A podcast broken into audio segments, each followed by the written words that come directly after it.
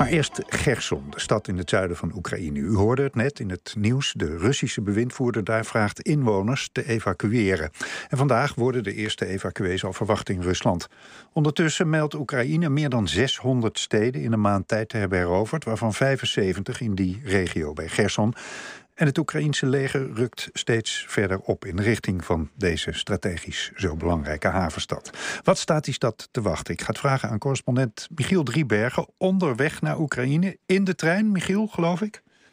Ja, goedemiddag Chris. Ik zit inderdaad in de trein door, uh, door uh, Hongarije, dus ik ben nog niet in Oekraïne. Nee.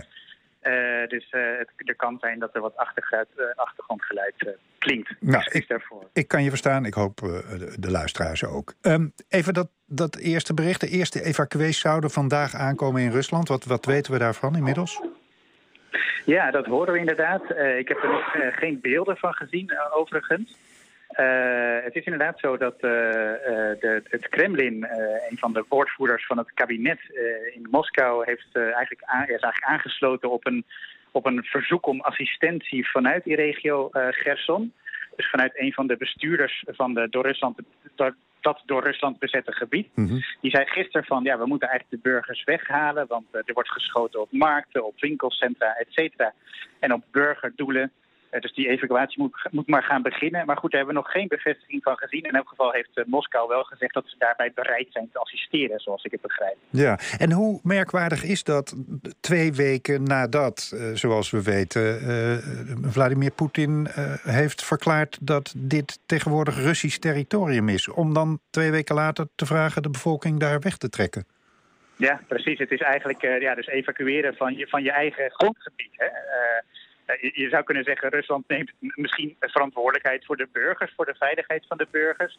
Maar het kan ook zijn dat Rusland gewoon de handen vrij wil hebben. We zien het aan de Oekraïnse kant ook wel. De Oekraïners die willen ook het liefst ja, zo min mogelijk burgers in het grondgebied waar ze aan het vechten zijn. Omdat het gewoon ja, makkelijker vecht. Hè? Uh, je moet voortdurend rekening houden met mensen die er wonen. En er gaat natuurlijk ook ongelooflijk veel mis. Hè? Er wordt ongelooflijk veel geschoten in dit bewoond gebied. Mm. Uh, dus ja, in die zin is die oproep, zou je zeggen, niet, uh, niet ongewoon. Het zou ook kunnen dat Moskou, en dat is natuurlijk ook waar, we over kunnen speculeren, hè, van, het zou natuurlijk ook kunnen dat Moskou iets van plan is, uh, misschien een tegenoffensief wil beginnen, of, of vreest dat bij die verdediging gewoon ja, heel erg veel bloedvergieten komt. En daar de pottenkijkers daar niet bij wil hebben. Maar goed, de evacuatie moeten we het nog maar zien. Uh, uh, wat ik begrijp vanuit mijn bron in Gerson, een vrouw die daar woont, die zei gisteravond tegen mij in elk geval ja, dat zij er niks over gehoord heeft. En dat het in elk geval niet, voor zover zij weet, verplicht is om weg te gaan. Oké. Het heeft dus in ieder geval te maken met die opmars van het Oekraïense leger, ook daar in het zuiden. Want hoe staat het daarmee? Ja, daar staat het althans vanuit Oekraïns perspectief heel erg goed mee. Er zouden al 75 nederzettingen, dorpen en kleine stadjes zijn bevrijd in de regio, met name tussen Kriviri en Gerson. Een beetje ten noordoosten van Gerson daar gaat het heel erg snel. En als het nog een keer, nog een keer twee weken zo snel gaat, ja, dan staan de, de, de Oekraïners gewoon bij de rivier. De Britse inlichtingendiensten zeggen ook dat Oekraïne dat in staat zou zijn, zelfs komende week al, om de rivier, de Dnieper, te bereiken. Ja, dan staan ze dus eigenlijk, uh, dan staan ze dus eigenlijk al, dan staan ze al in de regio Gerson. Daar zijn ze nu al beland. Een tweede vraag is natuurlijk, Chris, van ja, Gerson is een grote stad, iets westelijker daarvan. En uh, Gerson, een grote stad innemen, dat is natuurlijk veel moeilijker. Want dan kunnen er, en dan zijn we weer terug bij het begin, hè, dan kunnen er ook burgerslachtoffers vallen. Hoe ga je als Oekraïne je eigen burgers ja, bevrijden?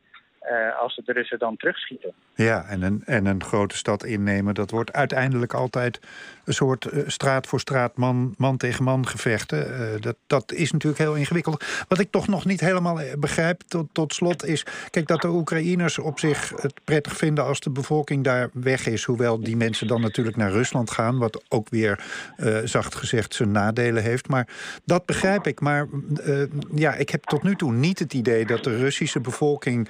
dat het, het Russische leger en de Russische leiding er erg veel uh, aan gelegen is om de bevolking in Oekraïne te sparen. Wat, wat is dan hun voordeel hierbij? Ja, wat ik al zei, misschien de handen vrij bij gevechten. Maar je ziet eigenlijk meer de laatste tijd. En dan gaan we ook speculeren, moet erbij zijn. Maar mm -hmm. je ziet de laatste tijd, en daar speculeren we niet over. Je ziet dat er kinderen komen van, hè, vanuit bezette gebieden, in Oost-Oekraïne bijvoorbeeld. En die worden helemaal vervoerd, ja, gedeporteerd, zegt Oekraïne, naar allerlei oostelijke gebieden in Rusland, waar de bevolking dun, waar de gebieden dun bevolkt zijn. Hm. Uh, die oproep voor evacuatie valt ook op, gaat vooral over gezinnen, over kinderen, over jongeren. Hè. Uh, er wordt ook gezegd van ze moeten dan kunnen, ja, kunnen leren, kunnen studeren.